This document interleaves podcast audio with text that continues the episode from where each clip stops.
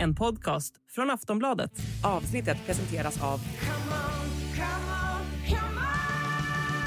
Stödvinnen.se, åldersgräns 18 år. In the supermarket, you have eggs class 1, class 2, class 3. And some are more expensive than others, and some give you better omelets. That's the wrong information. Wrong, wrong, wrong information. I didn't say that. That's the wrong information. Do you think I'm an idiot? Sillpodden, torsdagen den eh, 1 juni. Nu jävlar börjar det hända saker Makoto. Det smäller på alla möjliga håll. Äh, det smäller gör det inte. Äh, Pochettino är klar. Det är inte några eh, riktigt färdiga övergångar vi ska prata om men extremt mycket juicy stuff. Mycket rykten som eh, eh verkligen börjar få fäste nu. Eh, och vi pratar liksom inte några dussinlirare här. Vi pratar Messi, vi pratar Benzema, vi pratar eh, ja, Harry Kane har vi pratat mycket men han, han pratar vi givetvis Harry också Kane, vi, Harry Maguire, vi pratar eh, allt möjligt. Nej men det är klart att det, det ska röra på sig den här sommaren. Eh, det vet vi sedan tidigare att det, det är mycket som ska handlas och mycket som ska fixas och mycket som ska ändras. Eh, vi kan väl börja med en Messi-update till exempel för att kanske börja med den största av alla. mm, det, det, alltså det har ju varit väldigt mycket samtidigt som Messi har uh, hängt på Coldplay-konsert istället för att gå på ligan-prisgala efter deras ligaguld så så pratar ju alla hit och dit om hans framtid nu igår så var ju, eh, vad heter det, Gerard Romero där då den här Barca Twitch-streamern slash journalisten slash eh, Kings League-medarbetare eh, om man ska kalla det. Eh, som ju har koll på Barca, han har ju gått emot hela strömmen av silly-journalister förut och haft rätt när det kommer till Barcelona-grejer. Så man, man ska ta det han rapporterar ändå med eh, seriositet eh, Han menar ju på att La Liga nu är på väg att godkänna Barcelonas ekonomiska plan för att kunna hämta hem eh, Lionel Messi och att de, det ska ha kommunicerats även till Messis pappa då Jorge Messi tillika agent. För det har ju kommit uppgifter innan där om att Barca drar allt längre ifrån, att Messi har tröttnat på att vänta, han vill ha klart med sin framtid väldigt snart. Al Hilal-budet ligger där på bordet, redo att skrivas på ifall det behövs. Eh, Inter Miami är där och petar, det var till och med snack om att Barcelona skulle värva Messi genom att de lånar honom från Inter Miami som värvar honom på fri transfer. Det verkar inte bli av. Det var ändå Lekip som kom med, kom med de uppgifterna att det var aktuellt. Och det sägs också att det finns någon viss okänd Premier League-klubb som är inne och petar, men eh, ena stunden är han några procent närmare Barcelona, den andra stunden är han några procent längre ifrån. Senaste från Barcelona-håll är att de ändå närmar sig och att han verkligen vill dit. Sen får vi se, hinner de få ihop det? Hinner Messis tålamod eh, tryta innan det? Och att han bara tar eh, Saudi-pengarna och springer och det på att säga, för det är väl det som är det andra alternativet. Så det är väl updaten på uh, Lionel Messis situation och den är ju prioriterad i Barcelona, det ska ju Laporta ha sagt att det här är det vi gör nu, inte något Alltså, annat. fi, alltså jag, jag förstår verkligen Messis status i Barcelona, jag förstår att han är den största genom alla tider, jag, jag fattar allt det här, men de behöver inte lägga all den här kraften på Lionel Messi just nu, det är inte det som kommer, det är inte det som kommer vända det här, det är inte det som kommer ta dem in i nästa liksom, fas eh, med den här truppen och med den här klubben, det är inte det. Eh, Alltså nostalgi i all ära men Fan det är, det är dags att gå vidare nu, det är dags att släppa Messi nu i Barcelona Hör ni mig? Lyssna på det här eh, Chelsea eh, de har inga problem att gå vidare med grejer. Eh, det finns ingen nostalgi. Eh, däremot har man presenterat Pochettino och frågan är om han är då rätt person att ta den klubben in i nästa skede utav, eh, ja, deras historia. Eh, Men det, är- det är för att vara Chelsea är det ju liksom Någonting man har gjort med rim och reson ändå, att Ja. det är en tränare med ett bra CV som har hanterat storstjärnor förr och har sitt track record, det, det blir väl bra? Men Ja, det, det, det, an, det antar man ju i alla fall. Eh, nej men jag, jag tror på den här värvningen. Sen jag, jag kan- kanske inte håller Pochettino som den främste tränaren i världen. Eller kanske, eh, han är ju där i, i gruppen utanför kanske de, de fem bästa i världen eh, just nu som vi har eh, att tillgå. Eh, men eh, det han gjorde i Tottenham kan ju ingen ta ifrån honom, det var ju oerhört framgångsrikt. Sen sista tiden i Tottenham, tiden i PSG var ju inte speciellt lyckad. Ehm, Det var inte helt misslyckad i PSG Det var han ju faktiskt inte Men det var också ett jävla omöjligt uppdrag med de här barnrumporna som han skulle ta hand om och försöka Mm. göra ett lag av. Eh, Det var ju helt omöjligt. Det var ju den, han var väl där den sommaren när de fick varenda stjärnspelare som existerar och sen spar, sparken vid, på julafton där för eh, Skulle han få eh, Ramos att eh, springa idioten på träningarna när han mest ville lansera byxor liksom. Det var ehm, och det var inte det största problemet. Eh, det var väl kanske de där längst fram att överhuvudtaget ta en löpning utan boll ehm, på, på träning eller match. Nu insåg jag i och för sig att det var väl eh, Thomas Tuchel som fick sparken på julafton till förmån för Pochettino Ja, så, så var- så, rö, så- rörigt är det i PSG Så, så var det nu. Thomas Tuchel eh, som då eh, tränade Chelsea München. Tränade Chelsea i början av förra säsongen. Ja, så här är det, det bara snurrar. Ja. Eh, men man eh, har redan börjat då med den stora utrensningen som man måste göra. Eh, man har en alldeles för stor trupp, det värvades helt vansinnigt. Eh, Utan att säljas. utan att sälja, så man värvade alltså mer än vad någon klubb har gjort någonsin eh, under en sommar eh, i, i pengar. Jag tror att de passerade just med tanke på att eh, PSG då flyttade över den där Mbappé eh, summan till ett till senare år när man värvade både Neymar och Mbappé. Om de hade räknat, om de, de hade räknats in till samma, då tror jag PSG fortfarande hade haft rekordet. För ett fönster ja. För ett Che- Chelsea på ett sammanlagt över två fönster och en säsong var ju uppe i, vad är det, 6-7 miljarder eller vad det är Det är ju Ja, Ja. och det ska rensas ut. Eh, Mason Mount hade pratats om under hela våren här i stort sett att han ska lämna. Eh, de har väl egentligen också gjort några försök att eh, erbjuda honom, erbjuda honom ett nytt kontrakt. Det har väl inte varit det bästa kontraktet kanske. Eh, inte det mest de, helhjärtade försöket kanske. Inte heller det he- mest helhjärtade försöket. Eh, det har pratats om Manchester United den senaste tiden. Nu sägs de vara muntligt överens då enligt Telegraph. Och det kan väl mycket väl bli. Ja, alltså Mason Mount till eh, Manchester United. Det känns ju konstigt men eh, det kommer säkert kännas, kännas rätt i framtiden. Ja, Men det var ju först då, det var The Athletic tror jag som rapporterade att han föredrar United ifall det blir ett sånt läge Nu kommer det uppgifter om att han är liksom överens ifall det då skulle bli en övergång Sen är det ju att United och Chelsea måste komma överens om en transfersumma Där är de ju några tiotal miljoner pund ifrån varann fortfarande. United vill väl ha ner prislappen på under 60 miljoner. Chelsea vill ha lite mer än det. Någonstans runt 60 kanske de hamnar tänker jag eh, För en sån spelare i den åldern Jag tycker ju att Manchester United sitter i en mycket bättre förhandlingssits än vad Chelsea gör här. Eh, De vet att Chelsea måste göra sig av med spelare. De vet att Mm. de har inte lyckats förlänga med, med eh, Mason Mount och det där kontraktet kommer gå ut till slut och då får man inga pengar. Så att jag tror att Manchester United gör ju helt rätt i att inte inte bara kasta de här pe- pengarna på Chelsea. Det är en intressant Framförallt eh, om man är överens med, med Mason och att han vill dit och liksom han är inställd på att flytta dit, då kommer det ju bli av och då, då tror jag man kommer kunna få ner, få ner det där priset lite grann. Men det är ju intressant där att det här tyder ju på att man kommer göra en viss taktisk Alltså förändring på mittfältet. För du värvar inte Mason Mount för att sitta på bänken, det har jag svårt att se eh, Och då är det ju, det är Casemiro som ska stå där och så har du Mount och Bruno Fernandes framför. Mm, vart ska Eriksen vara då? Ja men han får ju, kommer ju roteras och kommer till åren och det, det är liksom, det, det, är en, det är ganska rimlig föryngring och uppgradering tycker jag, även om Eriksen har gjort det jättebra. Eh, Och du kommer behöva en bred trupp om du ska tampas på alla fronter. Så jag tror nog United skulle väl egentligen Ja, jag tycker man ska, det pratas om att Scott McTominay ska bort, jag tycker man ska hålla i honom för att du vill ju ha någon form av eh, täckning och någon som kan ta det där defensiva grovgörat ifall Casemiro inte kan spela. Nu kanske i och för sig det finns mittbackar som kliver upp och gör det också. Men eh, det känns ju som att de ska ha ett tydligt ensamt ankare och ha ännu mer kreativitet på det här mittfältet. Casemiro kommer få jobba hårt nästa säsong Om man har Mount, Bruno Fernandes framför sig på det här mittfältet. Men de börjar få ihop något bra tycker jag United och Lägg till en eh, stjärnforward centralt.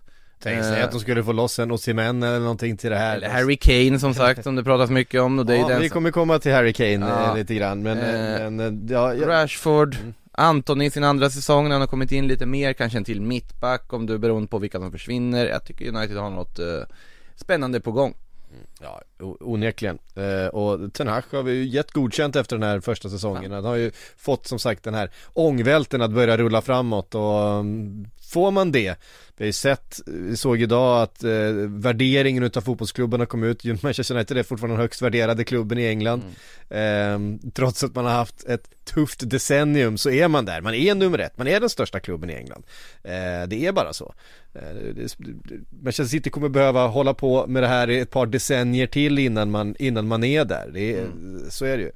Ehm, men ehm, det är inte bara Mason Mount som är på väg ut från eh, Chelsea. Det pratas också om en viss Kovacic och Manchester City. Och det, där, det, det här är ju en övergång som kittlar för att man ser ju framför sig vad, vad Pep Guardiola skulle kunna göra med den spetsen som finns eh, någonstans inne i Kovacic som man inte ser alltid. Man ser den, men då och då så ser man bara att han har, han har ett stroke of genius i sig. Ja, ja, ja. Eh, Som, som är liksom väldigt, väldigt sällsynt. Alltså den här förmågan att hitta ytor, förmågan att transportera boll, eh, tekniska, flytande, nästan Zidane-liknande spelstilen som man har. Eh, Alltså man vet, alltså om, om, om Manchester City vill ha Kovacic och har en plan för och en roll för, då kan det bli riktigt, riktigt bra. nej men det, jag tycker också att de, de behöver få in i mitt fält där och de löser det på ett väldigt smart sätt om de får igenom det här. Jag undrar ju lite ur, ur Chelsea perspektiv, om du nu inte ska förlänga med Kovacic och eh, släppa honom. Varför släppa honom till en direkt konkurrent? Eh, försök skeppa honom någon annan, åt annat håll. Hör av dig till Bayern München, hör av dig till Paris Saint-Germain och försök etablera någonting där istället. Alltså nu går han till City och kommer säkert att bara höja sin nivå enormt, det är känslan i alla fall Eller så är han värvat som en backup, Peps, eh, Man vet- Peps man vet- vägar är outgrundliga. Man vet, ju, man vet ju aldrig med Eh, så är Men eh, nej, jag tycker att det är väl en jättebra värvning och han skulle nog inte kosta så mycket heller. Och där är väl också frågan när de ska förhandla nu. 35 miljoner pund. Såld. Ja, ja, det är inga pengar. Ehm, i det här sammanhanget. i nej, det, det, det I inte. dagens marknad. För Manchester City är det inga pengar. Ehm, samtidigt så tittar man då på att eh, värva in Manuel Ugarte eh, som ju ryktades hårt till Liverpool i, i, i slutet på säsongen här. Eh, deras intresse svalnade någonting, han skulle kosta rätt mycket pengar. Eh, verkar som Chelsea är ändå beredda att slanta upp rätt mycket för den här uruguayanska, ganska renodlat defensiva mittfältaren. Eh, Och där tycker man ju att de värvade ju en viss Enzo Fernandes förra Men han är ju inte renodlat defensiv han är inte, han är inte på, det, på samma sätt en sexa liksom. Ehm, Jag tycker det är, en, det är en bra värvning av Chelsea, jag förstår. Och då är det ju liksom kanske eh, en Golo Kanté då också som ska eventuellt röra på sig och då, De vill ju förlänga med Kanté. Mm, Men det får vi se ifall de lyckas med. Exakt, för att eh, vi kommer komma in på saudiska miljarder tidigare. Men det, det, det här är ju ett sånt läge också där han har ganska saftiga anbud. Eh, Och sen vill han väl ha ett viss längd på kontraktet och så vidare. Och det, vi får se vad det där landar i. Men Ugarte oavsett tycker jag är en ganska de behöver en sån ah, Det kan göra mycket tror jag för det här Chelsea mittfältet att få in en sån spelare. Frigör Enzo Fernandes på ett helt annat sätt de, det är en spelare som jag uppenbarligen, nu kanske de bara tittar, oh Liverpool vill ha honom, PSG vill ha honom, PSG är också där på, på just Ugarte. Eh, men det är väl Chelsea som har eh, klivit fram som frontrunners i jakten på den spelaren och Och det känns ju logiskt ändå att de på något sätt hamnar där i slutändan, vi får se. Ja, eh, det får vi göra. Det är inte bara Chelsea som ska rensa lite i böckerna, även Real Madrid har en, eh, en sommar av avsked. Vi har ju sett eh, Liverpool ta farväl av fyra spelare på ett bräde här på sista matchen. Eh, Ska fylla på. Eh, Chelsea måste göra sig av. De Ja, det- kommer ju sälja spelare. Vi nämnde ju också typ bara två, det är det som är så roligt för de ska göra sig av med typ 15 Ja, alltså det, det, det ska säljas där. Så är det ju. Ja och sen, jag och Felix kommer inte fortsätta har vi fått bekräftat eh, Ceres och Atletico eh, bossen där gick ut och sa att nej men Chelsea kommer inte köpa loss honom, han kommer komma tillbaks De kommer inte köpa loss den i Zakaria. Eh, Sen är det ju hela det här kopplet av offensiva överflödsspelare som ska säljas och Därtill att man då kan, ser potentialen att sälja spelare som Conor Gallagher, eh, Ruben Loftus-Cheek pratas det mycket om, eh, Milan Det som, är, det som är så synd att det här som, det här som efter eh, Chelseas då eh, transferban som man hade Mm. eh, När den här generationen, när de äntligen fick upp spelare från sin fantastiska akademi Alltså världens bästa akademi som producerar fotbollsspelare åt alla andra utom Chelsea Mm. För de köpte spelare istället eh, Och äntligen fick vi upp liksom eh, eh, Hudson Odoi, Mason Mount, Reece James ehm, Ja, Reece blir väl kvar? Ja, och, och, och i slutändan kommer vi väl stå här, alltså det, vi pratade ju då om eh, massa spelare på lån, Conor Gallagher, vi pratade så mycket om den här fantastiska generationen som Chelsea är på. I slutändan kommer vi kanske stå här med att det bara är Reece James som är kvar utav dem. De tackade ju nej till ett eh, bud från Brighton på Levi Colwill såg jag nu och det var väl, det var väl bra där för alla parter eh, Inte för Brighton då men att, eh, jag förstår ju inte varför han inte ens var i truppen tidigare egentligen eh, Men nej de, som sagt de ser ju ändå ett återförsäljningsvärde på vissa av de här engelska spelarna för de kan de sälja inom Premier League Typ. Conor Gallagher kommer vara jättemånga klubbar som är intresserade av att köpa loss. Eh, Ruben Loftus-Cheek som sagt på väg till Italien. Eh, Det finns ju säkert fler som jag glömmer nämna men det är ju ett helt gäng spelare som är aktuella att lämna den klubben just nu i alla fall, så mycket kan man ju säga. Men ja, Madrid. Mm. Ja, Eh, Madrid. Ja alltså det var det är framförallt Benzema. ja och det här är ju inte planerat. Eh, För Karim Benzemas kontraktförlängning För det här är många som har glömt att Benzemas kontrakt går ut nu. Men alla har förutsatt att den här kontraktsförlängningen är överenskommen. Jag tror liksom Fabrizio Romano har skrivit det fem gånger att ja men de, alltså det är bara en tidsfråga liksom. Alla är överens och vet om att han ska förlänga till 2024 och att det är då som man gör det här skiftet på anfallspositionen. För det är då Kylian Mbappés kontrakt går ut med PSG det är då Erling Braut Haalands påstådda klausul tickar in. Det är då som på något sätt offensiven ska göras om. Nu, sen kom det ett väldigt, väldigt, väldigt lukrativt bud från den saudiska staten till Karim Benzema. Och det här är ju inte bara lukrativt på så vis att han får en miljardlön utan också på att han får 100% av sina image rights, han kommer att vara ambassadör för deras VM-ansökan tillsammans med Grekland och Egypten.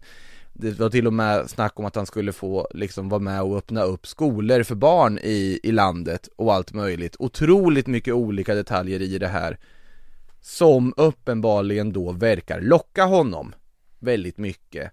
Också av anledning att han känner att han vill Han vill inte liksom stagnera i Real Madrid. På det sättet som man kanske kan vara på väg att göra med tanke på ålder och så vidare. Mm. Och då att han ska ha gjort en kovändning, informerat Real Madrid om att det här budet finns på bordet.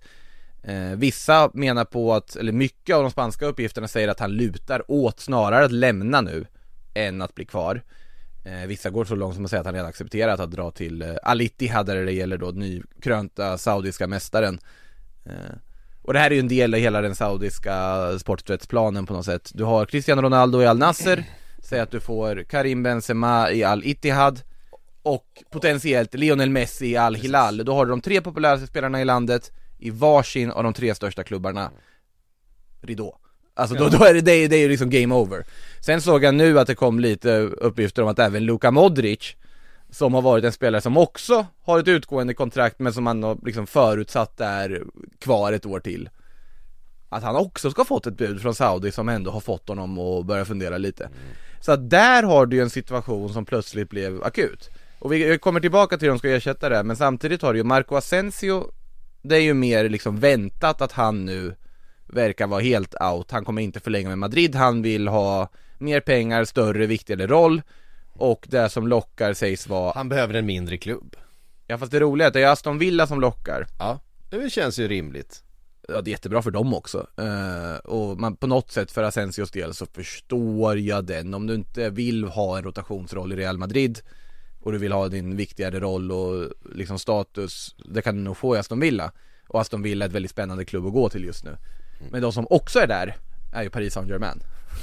Eh, som, som pushar på den också. Och där är ju, då är det ju liksom José 2.0 vägen Ja, Eh. Ra, rakt till dokusåporna höll jag på att säga, inte, inte, inte som José kan, jag sen ser jag väl lite mer Lite mer innanför pannbenet kanske än vad, José har haft genom åren Årets Sarabia. Eh, Ja men det är en, Sara, ja, men det är en Sarabia-flytt och då, då är det rakt ut i glömska, sen så kan mycket väl Så är man så här, kommer man säga någon gång i vinter, jaha just det, han är där, för då gör han sin tredje match och så springer han runt på en kant och ser lite vilsen ut och ingen passar till honom. Det, det, Ja, det- det, det är är så så det blir i PSG. Du, du, du vill inte ha din status och går till PSG. det är liksom så här, då, nej.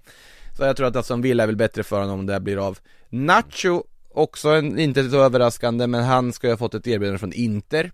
Otroligt logiskt eh, av Inter att eh, erbjuda det här kontraktet tycker jag. De går ju bara på spelare som är över 30. Eh, och jag förstår att Nacho funderar ändå på det, men där borde ju Real Madrid bara vara tydliga med att, men han har ju ändå varit i klubben hela sin karriär, han har inte varit utlånad eh, under väldigt många år och är ju en helt omöjlig spelare att ersätta för att han kan ju spela, han, han, han har ju en lägsta nivå man har inte så hög högsta nivå, men han har en lägsta nivå som gör att om du lägger honom som vänsterback, högerback, mittback, du vet precis vad du får varje match.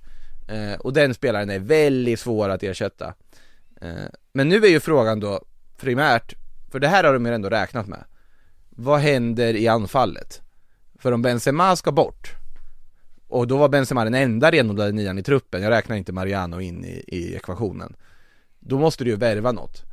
Pratat pratas om Joselu från Espanyol är i- kort och gott klar på lån eh, För att han har en klausul i sitt liksom, nedflyttningsklausul i kontraktet som gör att han får gå gratis på lån, Madrid behöver bara betala lönen En tidigare spelare som spelat i Castillan i, tidigare under sin karriär Gjorde 16 mål i ligan i, år, 33 år gammal, target varför inte bara som backup då och ersätta Mariano med och du får en backup nia du kan kasta in i slutet av matcher för att tjonga långt på. Det tror jag faktiskt är ganska bra. Men frågan är vem ska du ha som första alternativ? Ska Rodrigo in och börja spela centralforward och Hazard ska få en sista chans? Nej, jag tror inte det blir så. Du behöver en högerytter för att ersätta Asensio. Men, då är ju frågan, hur mycket kan man lägga på en forward det här fönstret? För att eh, Ancelotti vill ju ha Harry Kane, sägs det. Ja. Men om du värvar Harry Kane så stoppar du ju ekonomiskt kanske att gå för Mbappé eller Haaland 2024. Så att Madrid har ju behövt kasta om sina planer helt. Eh, och då börjar det pratas om Roberto Firmino, bara på liksom Finns på free transfer. Sikt. Ja. Kai Havertz, eh, vilket, Inte gratis men, eh, nej men det, det finns ändå någonting där.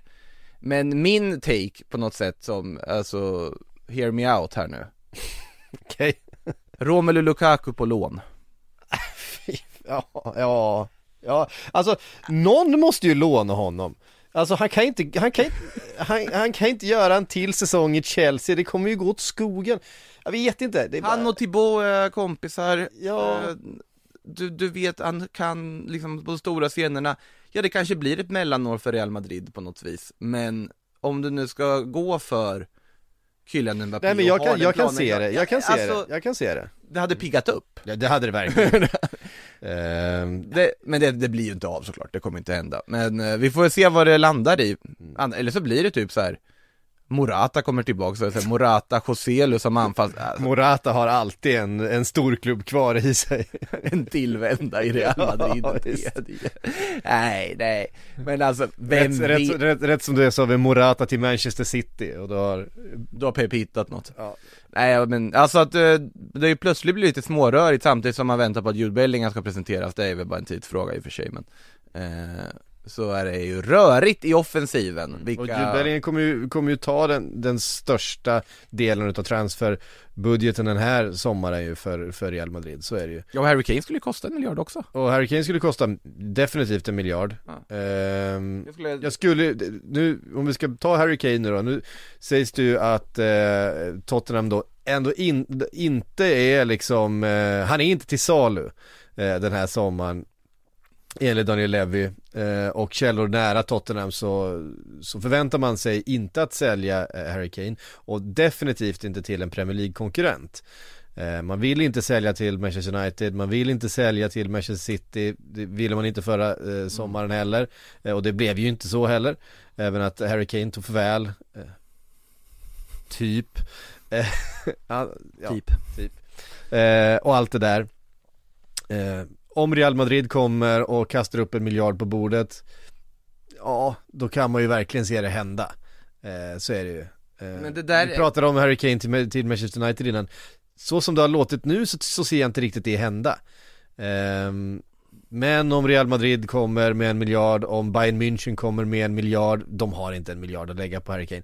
Eh, De har annat, de prioriterar andra yngre profiler och det är väl här jag hamnar någonstans i att Real Madrid har gått den här vägen med spelare som har ett år kvar på kontraktet från Premier League som är runt 30-strecket och värvad för en miljard. Mm. Den Det har spelaren gått sådär. Ja, nu tror jag att Harry Kane skulle göra det väldigt mycket bättre än vad Eden Hazard har och Harry Kane har nog en helt annan inställning till saker och ting som gör att han har en Harry längre Kane är en bättre fotbollsspelare än, än Eden Hazard också om vi ska vara Den går ändå att argumentera när Hazard var som bäst skulle jag väl säga. Visst. Eh, men, eh, och det var ju ingen som förväntade sig att Eden Hazard skulle kollapsa på det här sättet som han har gjort.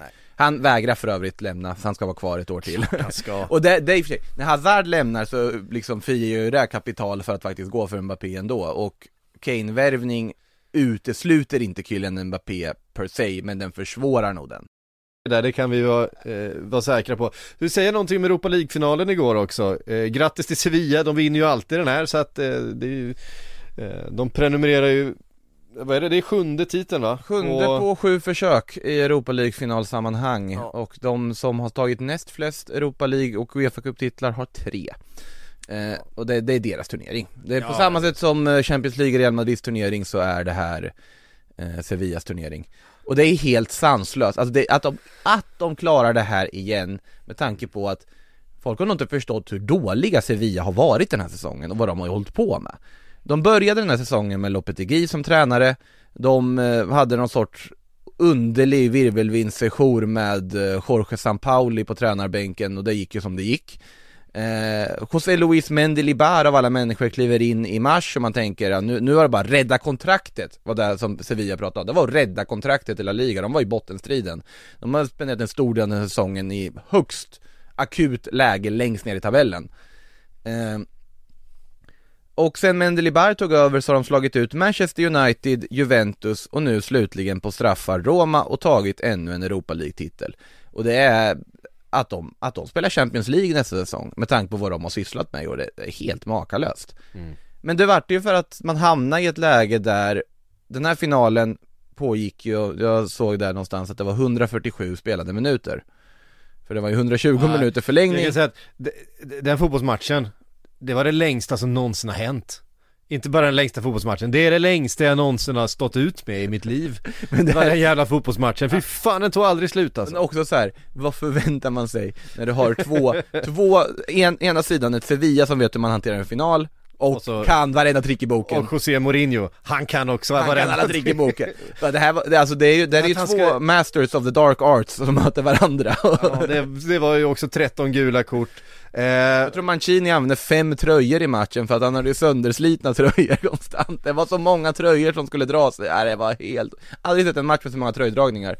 Och, och jag har ju en, också en annan kontroversiell take. Jag tyckte Anthony Taylor gjorde det bra. För att han har fått jättemycket kritik. ja, han för- fick en utskällning på parkeringsplatsen efteråt också utav Mourinho som stod och skrek åt honom. Mourinho gjorde en Drogba. Ja. Det var ju exakt samma ordval som Drogba använde där efter eh, Övrebö-incidenten där i Mm, Champions League. Eh, och Mourinho var helt rasande på Anthony Taylor. Men jag, och det här kommer jag få skit för, men jag tyckte att, alltså mitt i att det var ingen som höll sig lugn i den här matchen. Eh, det var ju, alla var ju liksom totalt adrenalinpumpade och eh, hej och hå, och bänkarna var igång på ett sätt som man typ, ja, väldigt sällan ser. Det var som att det var liksom slutsekunderna av en basketmatch med liksom bänkarna som står och är redo, alltså eh, Men Anthony Taylor var ju kolugn i allt det här. Han, han, han, absolut, han fick fel på sin första, första bedömning på den där straffen för eh, Sevilla som han ändrade efter var. Men han löser allting med lugn och ro, absolut. Om man börjar titta på hans insats med lupp så han gav lite väl många gula kort i konstiga lägen till Roma-spelare, ja. Eh, det tycker jag. Och det fanns fler gula kort som skulle kunna getts till Sevilla-spelare, att reklamera avsluta den här matchen till exempel. Ja, det, det är lite förvånande. Ja. Och, och absolut, hans situationen, men där har du VAR som går in och tittar på det, jag tycker han försöker få bort handen. Jag tyckte Anthony Taylor, sett till omständigheterna och kaoset runt omkring honom, eh, visade ett väldigt lugn och eh, Jag tycker att de här, kritiken mot honom är extremt överdriven i den här matchen i alla fall. Ja, sen är det ju, vi vet ju att José Mourinho är inte världens bästa förlorare. Eh, han- är inte, men han är ju som mest underhållande när han precis har förlorat, så är det ju. Det är därför man inte unnar honom att vinna någonting. Därför att det är alltid så jävla roligt när, när Mourinho förlorar. Han kastar upp sin medalj på läktaren, Fast han gör det också Han- medvetet till ett barn. absolut, men det är liksom, man får, det är då man får de här, jag samlar inte på silver, jag samlar på guld. Ja men det var hans första finalförlust. I Eh, Europa. I, i i Europa ja. Ehm, ja men det, det vet inte, det, han, han är ju väldigt underhållande. Alltså, han är ju odräglig när han vinner å andra Jag, sidan. jag, jag, jag gillar ju José Mourinho, jag är ju ändå i den, alltså det, jag vet, det är ju, en- det är ju en tränare som berör Får kasta in, han fick ju frågor om sin framtid också, det har ju pratats om PSG där. Ja det tror det blir det Ja, och det är ju helt rätt. Men om det, om det är någon som kan, som kan komma in och, och, och kissa lite på det här födelsedagskalaset så är det ju José Mourinho. Ehm, ja, jag, jag vill se det, jag vill se det Ja men absolut, jag vill definitivt se det. Det här alltså, jag. jag. tror att det är, jag tror att det är den bästa utnämningen de kan göra. Ramos kommer gråta av glädje Ja men alltså, eh, han, han kommer liksom, han har the swag som krävs där. Eh, du behöver inte vara den bästa taktikern, du behöver inte ha den mest moderna, fra, mest framåtlutade fotbollsfilosofin. Du måste vara en stjärna som det här liksom gänget kan på något sätt eh, samlas runt.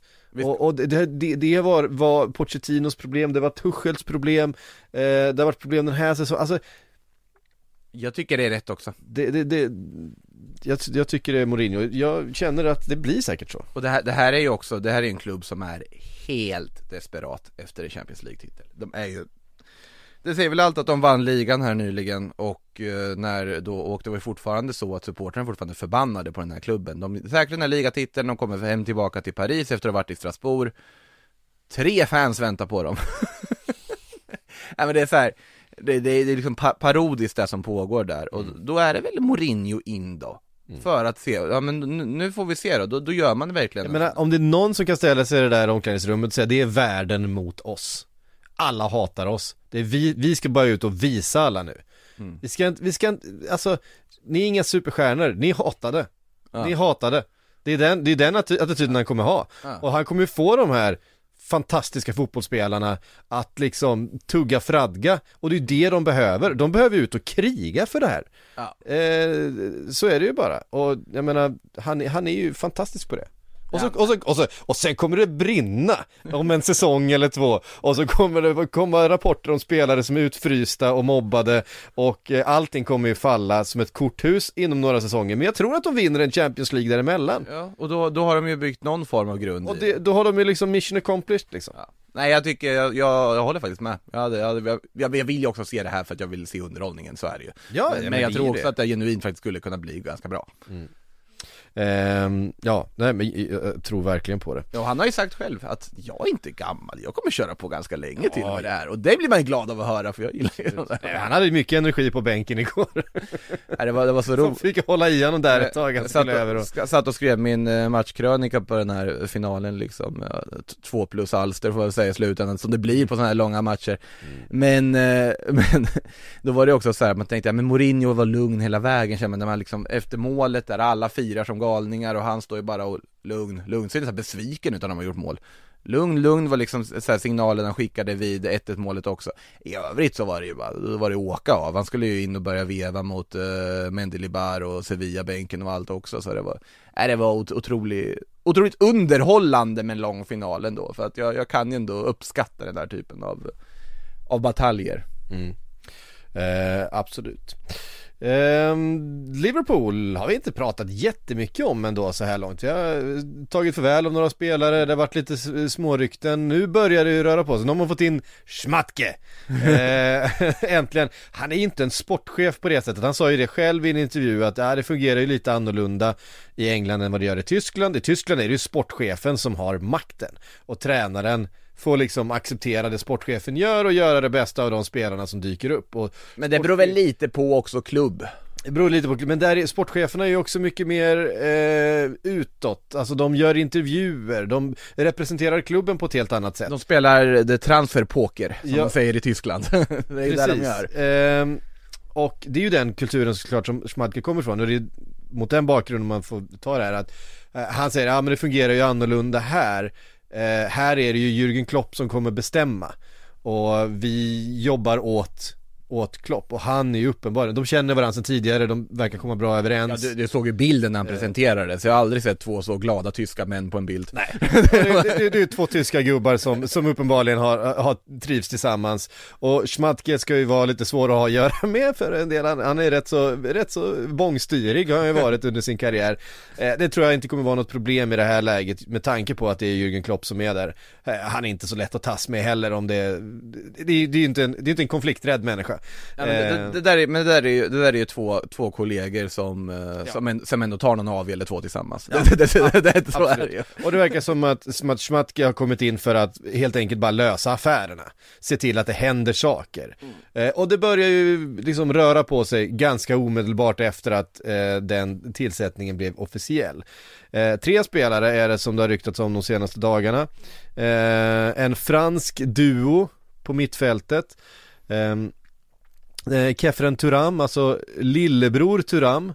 Ehm, mittfältare, tvåvägs, känns lite, när jag har scoutat honom som en Bellingham light kanske.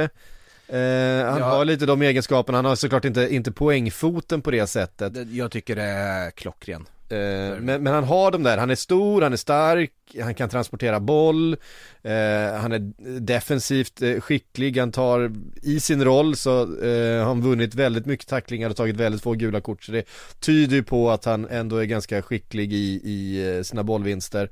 Eh, dessutom då Manu Kone Från från Gladbach ja. Från Gladbach, också fransman från Toulouse från början. Eh, så där är en duo som det är just nu. Eh, först var det väl L'Equipe som avslöjade att, eh, att Kefren Turam var nära. Eh, att de var nära i förhandlingarna där. Och så på- är det bild ja. på, på Manu Kone. Och de två är ju också polare. Eh, de är lika gamla och har hängt ihop i ungdomslandslagen så de två har ju spelat tillsammans på mittfältet Men du tror båda? Ehm, jag vet inte, jag Alltså- tycker inte att de behö- det behövs ju mittfältare eh, Sen såklart Alexis eh, McAllister är väl den som eh, är allra närmast Den är jag gått så långt som jag nästan redan räknar hem.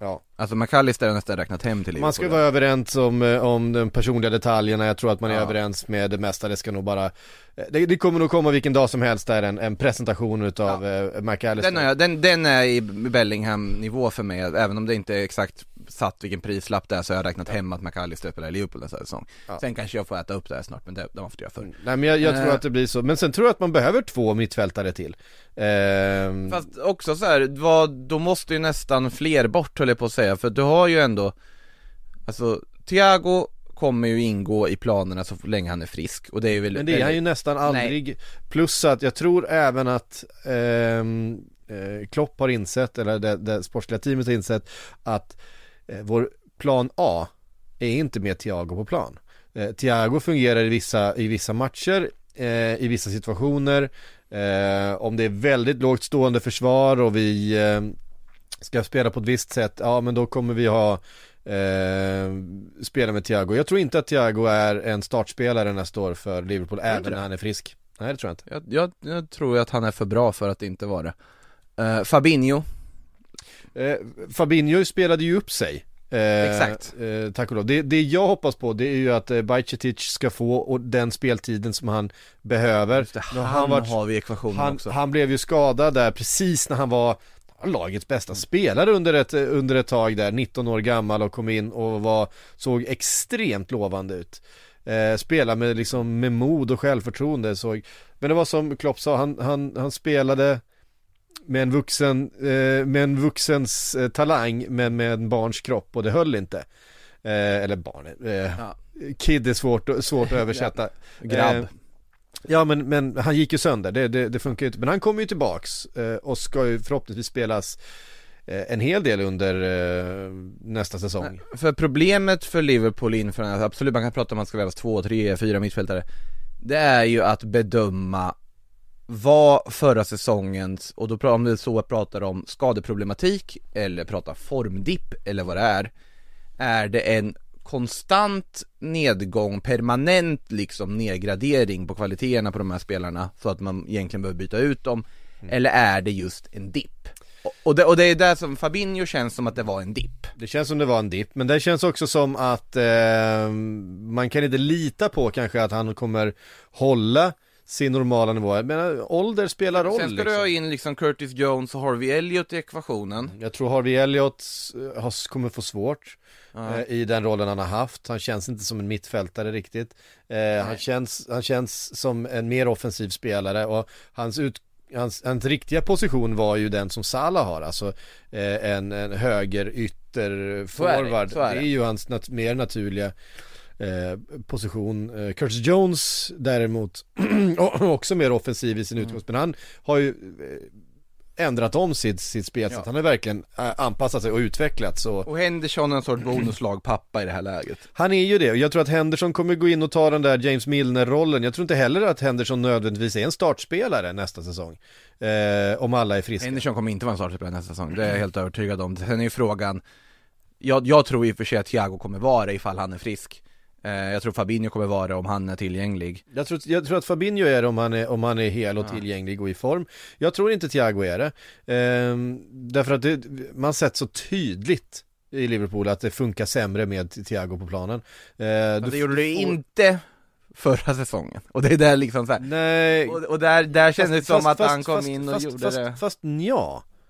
Det var inte, det var inte helt klockrent, det har aldrig funkat helt, helt Nej, eh, inte helt, men det är också att du har, du har aldrig kunnat jobba in det ordentligt Och sen att är han ju alltid skadad, så, det att det. det, så att det spelar ju ingen roll, han är ju alltid skadad så att eh, det blir ju en Ja, nej men det, det är som sagt, Eh, mittfältare ska in och sen så vill man ju ha in försvarare också och, Ja, och uh, Micke van de Ven från Wolfsburg, eh, alltså jag vet ingenting om honom. Eh, han, han, är, han är ganska lång, det ja, gillar han, du? han är 1,93 lång Det var det första, det var det första jag kollade. Ja, och han Eh, heter Mickey, det, det, det känns som att det är ett, ett otroligt namn. Om man, otroligt Liverpool-kompatibelt och värva en verkligen. 1,93 lång ung nederländsk mittback som heter Mickey van de Ven.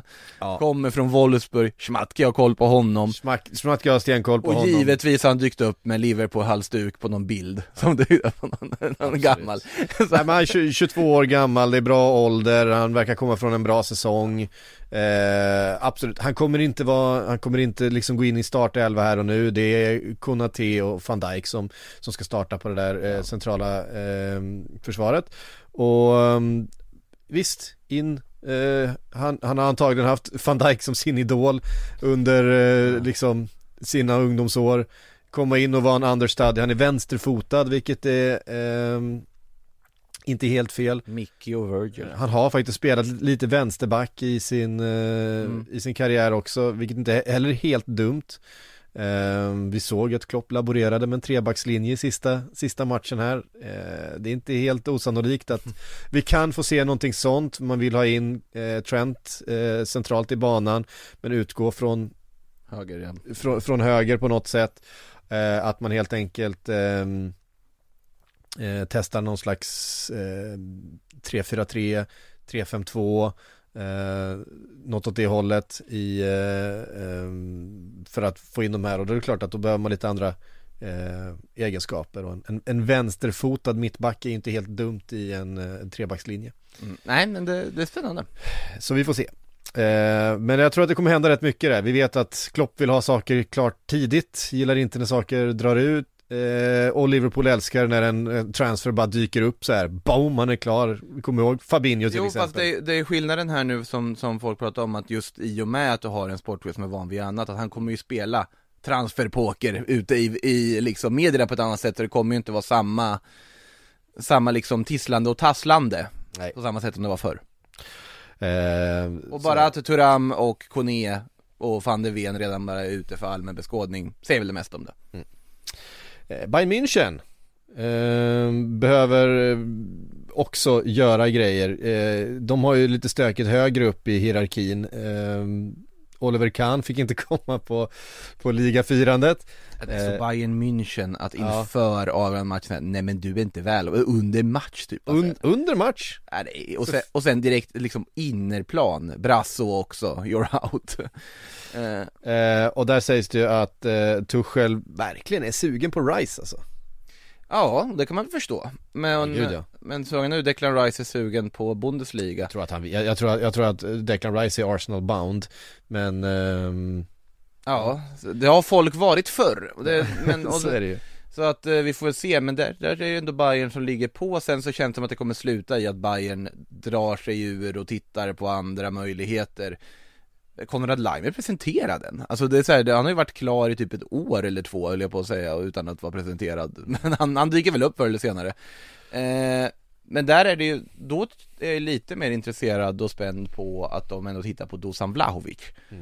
Eh, Anfallare måste de ha, och det har nog alla fattat. Eh, sen om det är Randall Kolomoani som det också pratas om mycket från Eintracht Frankfurt eller om det är ja, Dusan Vlahovic från Juventus som måste dra in pengar och inte har någon Europa, alltså Champions League att bjuda på. Det får vi se men det, det är en väldigt intressant situation i Bayern också. Och det finns ju också snack om spelare som kan lämna. Joshua Kimmich eh, Kopplas väldigt mycket till eh, Spans, Spanien nu med Barcelona som eh, intresserade. Eh, Kan man förstå. Jag tror att jag såg City flyga förbi där också i någon, något rykte och det kan man också förstå.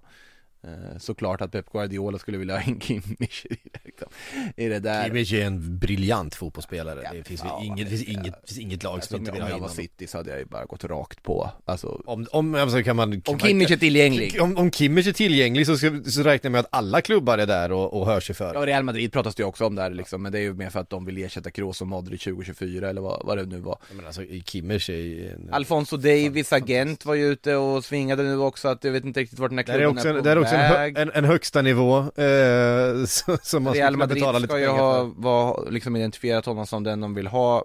Det är ju bara kör, alltså det är ju kanon skulle jag säga.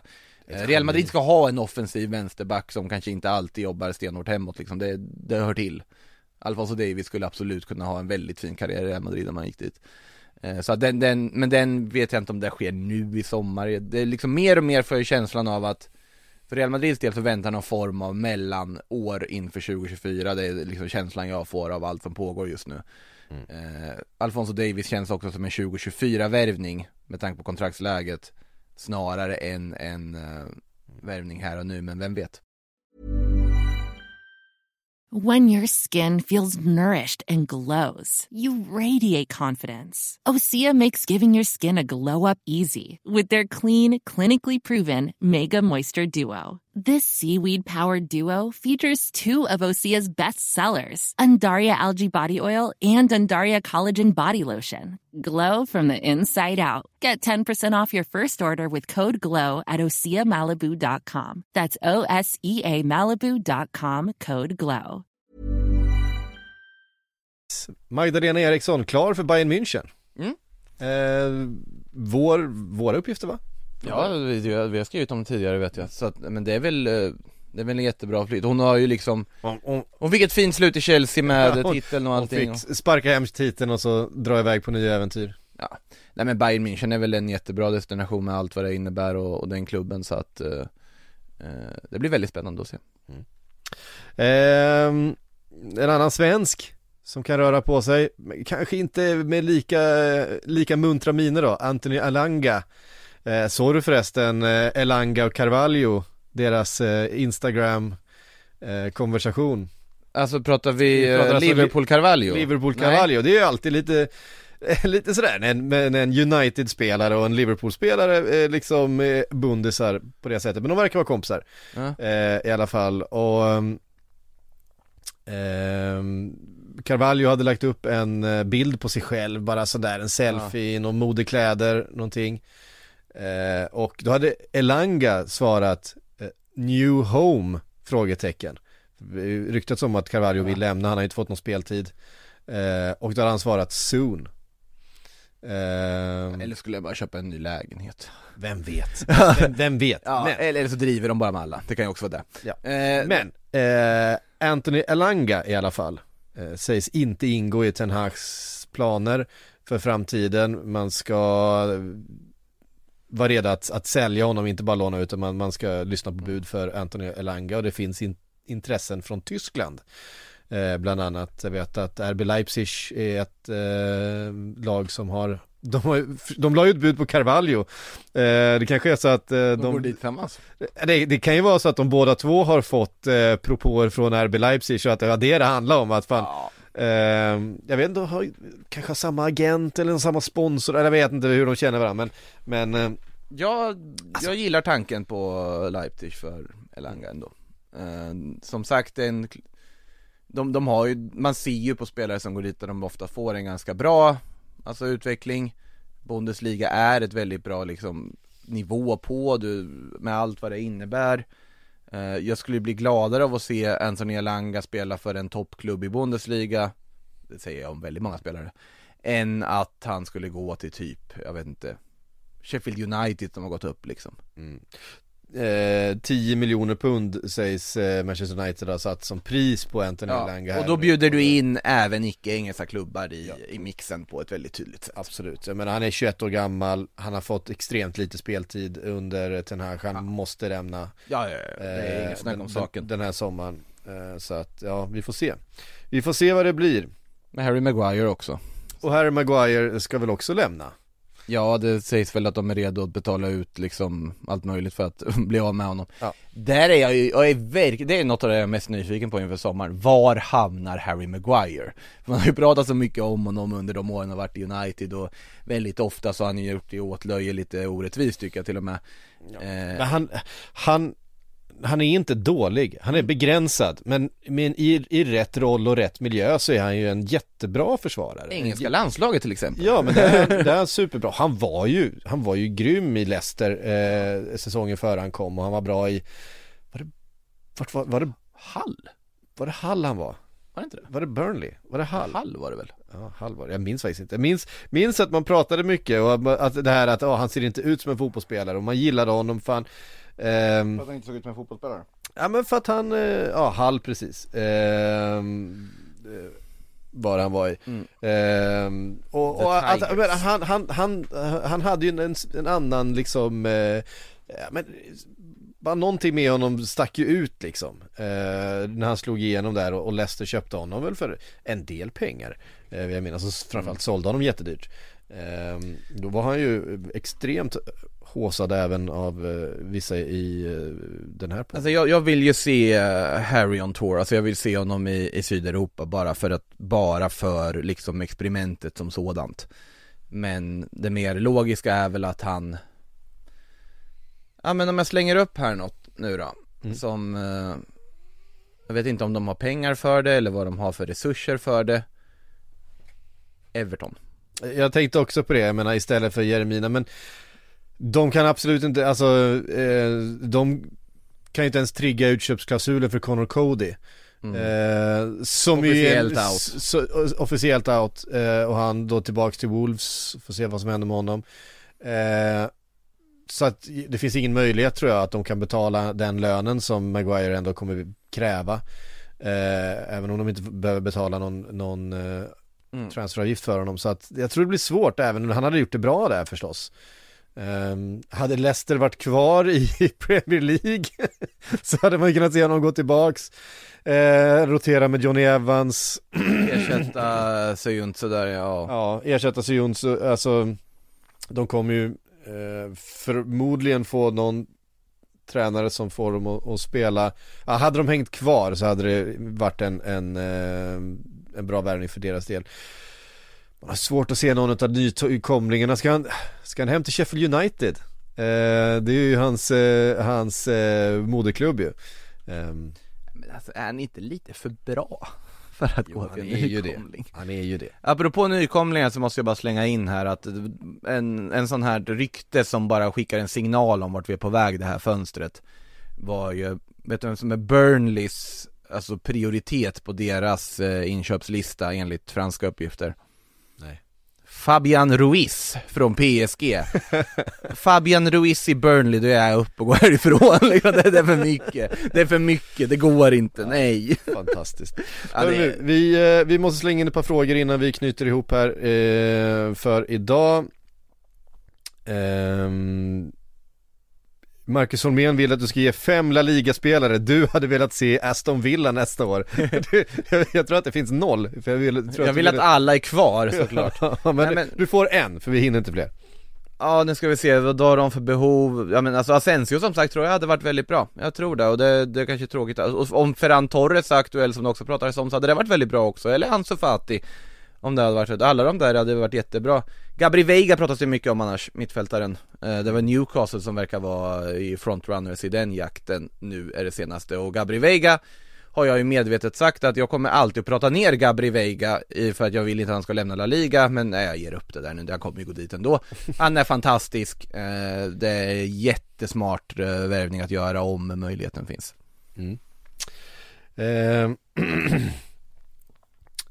pa- pa- pa- pam. vi tar, ehm, ja jag fick en fråga på ehm, Facebook. Vi ska kasta Jaha. upp den här.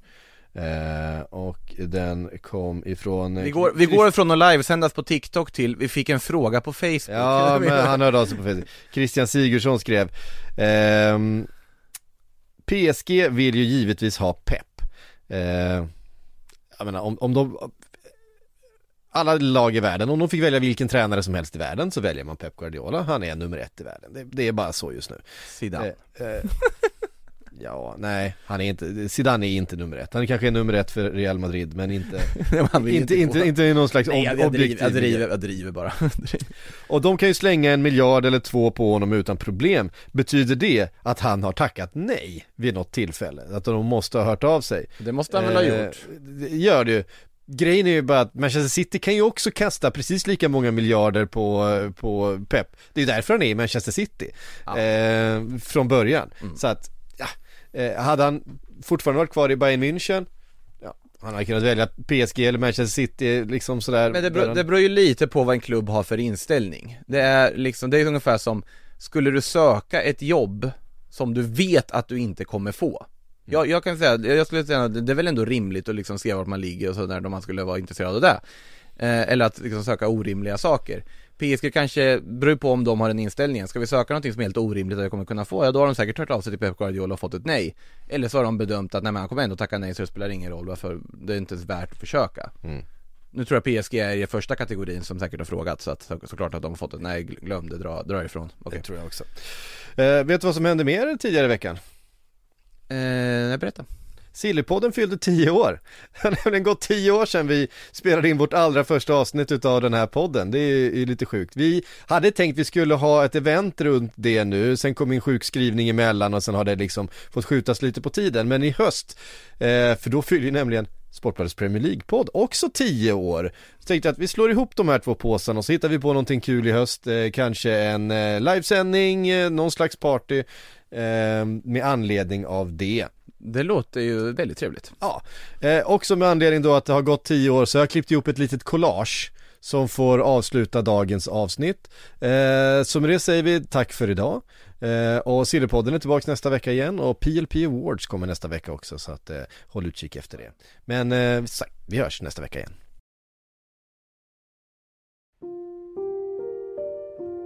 Välkomna till eh, Sportbladets podcast gällande Silly Season. Men det skulle vara häftigt med City tycker jag om de skulle ha då en spansk trio bakom Agüero där med David Silva, Isco och så nye Jesus Navas då. Kristoffer, vad har du att erbjuda i form av scoutingrapport? Jag har scoutat en spelare som heter Aymeric Laporte. Hans kravbild kommer ju vara att bli den striker som tar Arsenal till ligatiteln. Jag är inte säker på att han är den. Eh, Det började trenda på Twitter igår i utvalda delar utav världen och det var Klopp for the cop. Men det här är ju inte första namnen som gör den här resan. Liksom. De Bruyne är ju sensationellt bra i Bundesliga nu och ryktas till jättestora klubbar. Och Schürrle vet vi är en helt fantastisk spelare och ändå har de ingen plats för honom. Börjar nå Tjeckien U21 midsommarafton. Ja, det är stökigt där. Vi kommer redan nu be om ursäkt för dåligt ljud, märkliga ekon, eh, tjeckiska servitörer och eh, Fredrik Jönssons dialekt. Jag noterar att vi sitter i cigarrom, att det är så här man sätter sig när man ska ta en garre ur humidoren och luta sig tillbaka. Tio tiden någon gång så kommer, ringer det på vår redaktionstelefon. Det ringer överhuvudtaget väldigt sällan. Eh, och i andra änden så är det någon man som från, berättar att han är från Turkiet vill veta lite om Zlatan och Galatasaray. Ja, jag säger att jag har ju absolut ingen aning. eh, såklart. Eh, jag har inte skrivit om det här och jag har ingen info. Och den infon vi har så här, den kommer från Turkiet så att allting går väl runt. Oj, allting går runt. Sen, eh, sen tar det två minuter innan det börjar brusa i telefonen. Så, så tror jag det är så att den här mannen som ringde sedan har varit med i något sånt här turkiskt pratprogram, jag vet inte, någonting ja. sån här inringningsprogram. Och sagt att han har pratat med en Aftonbladet-journalist som har bra info om Zlatan. vid namn Erik Karlsson? Ja, vid namn Erik Karlsson. Jag tror han har sagt, om jag har fattat det rätt, så har han sagt att, eh, att jag har sagt då att vi, vi vet att det är nära Galatasaray, men eh, det vore fel om vi säger att det är till 100% klart. Det här namnet som eh, vi pratade om väldigt tidigt på säsongen, Kylian Mbappé. God jul på dig. Jag hoppas vi har lite så här fördröjning som man ska ha på raspiga telefonlinjer så att det liksom framstår som om du befinner dig i Kenya eller något annat exotiskt. Vilket du nästan gör, för du är ute i din villa ute väldigt, väldigt, väldigt långt bort från stan. Så att, ja, det är nästan Kenya. Jag förstår att det framstår som Kenya för er innerstadsbor. Gissar att du vinner många sympatier genom det här. Ja. eh, Ronaldo till Juventus, en övergångssumma på 100 miljoner euro, en årslön på 30 miljoner euro ska vara nära att hända. Ja, det enda tråkiga nu är att alla redan hunnit fly, flyga till sina destinationer, vilket den här Fernando Torres helikoptern kommer vi ju tyvärr inte få se i det här fallet. Det finns väl andra affärer där det kanske kan hända, men jag, jag har svårt att se att, att Ole Gunnar Solskär ska få Manchester United permanent. Mm, jag med. Det, det, finns bara ett scenario för att han skulle kunna få det, det är att han gör dundersuccé. I Frankrike kom besked att man eh, lägger ner säsongen. Eh, sen är det lite oklart hur de ska göra med eh, placeringar, med titlar, med uppflyttningar, nedflyttningar, Europa eh, kvalifikationer och sådana saker. Men man kommer inte spela mer fotboll i alla fall. Eh, England rör sig åt andra hållet. Där har man nu börjat öppna upp. Eh, Arsenal och Tottenham har öppnat upp sina träningsanläggningar och då var ju dealen att Real Madrid, United, PSG och City var de fyra klubbarna inte skulle få skriva på för. Och då hade de glömt lägga in Atletico. Nu vill de lägga in den också. Så att det är en sån soppa som, så att man inte vet. Ja, det är helt, det är helt underbart. Då kan jag säga ett rykte som precis dök upp på Twitter här. Och det är Sky Sports Network som skriver att William har uh, klarat sin uh, läkarundersökning. Han sin har, utförliga läkarundersökning. ja, han har också kommit överens om uh, personliga kontrakt.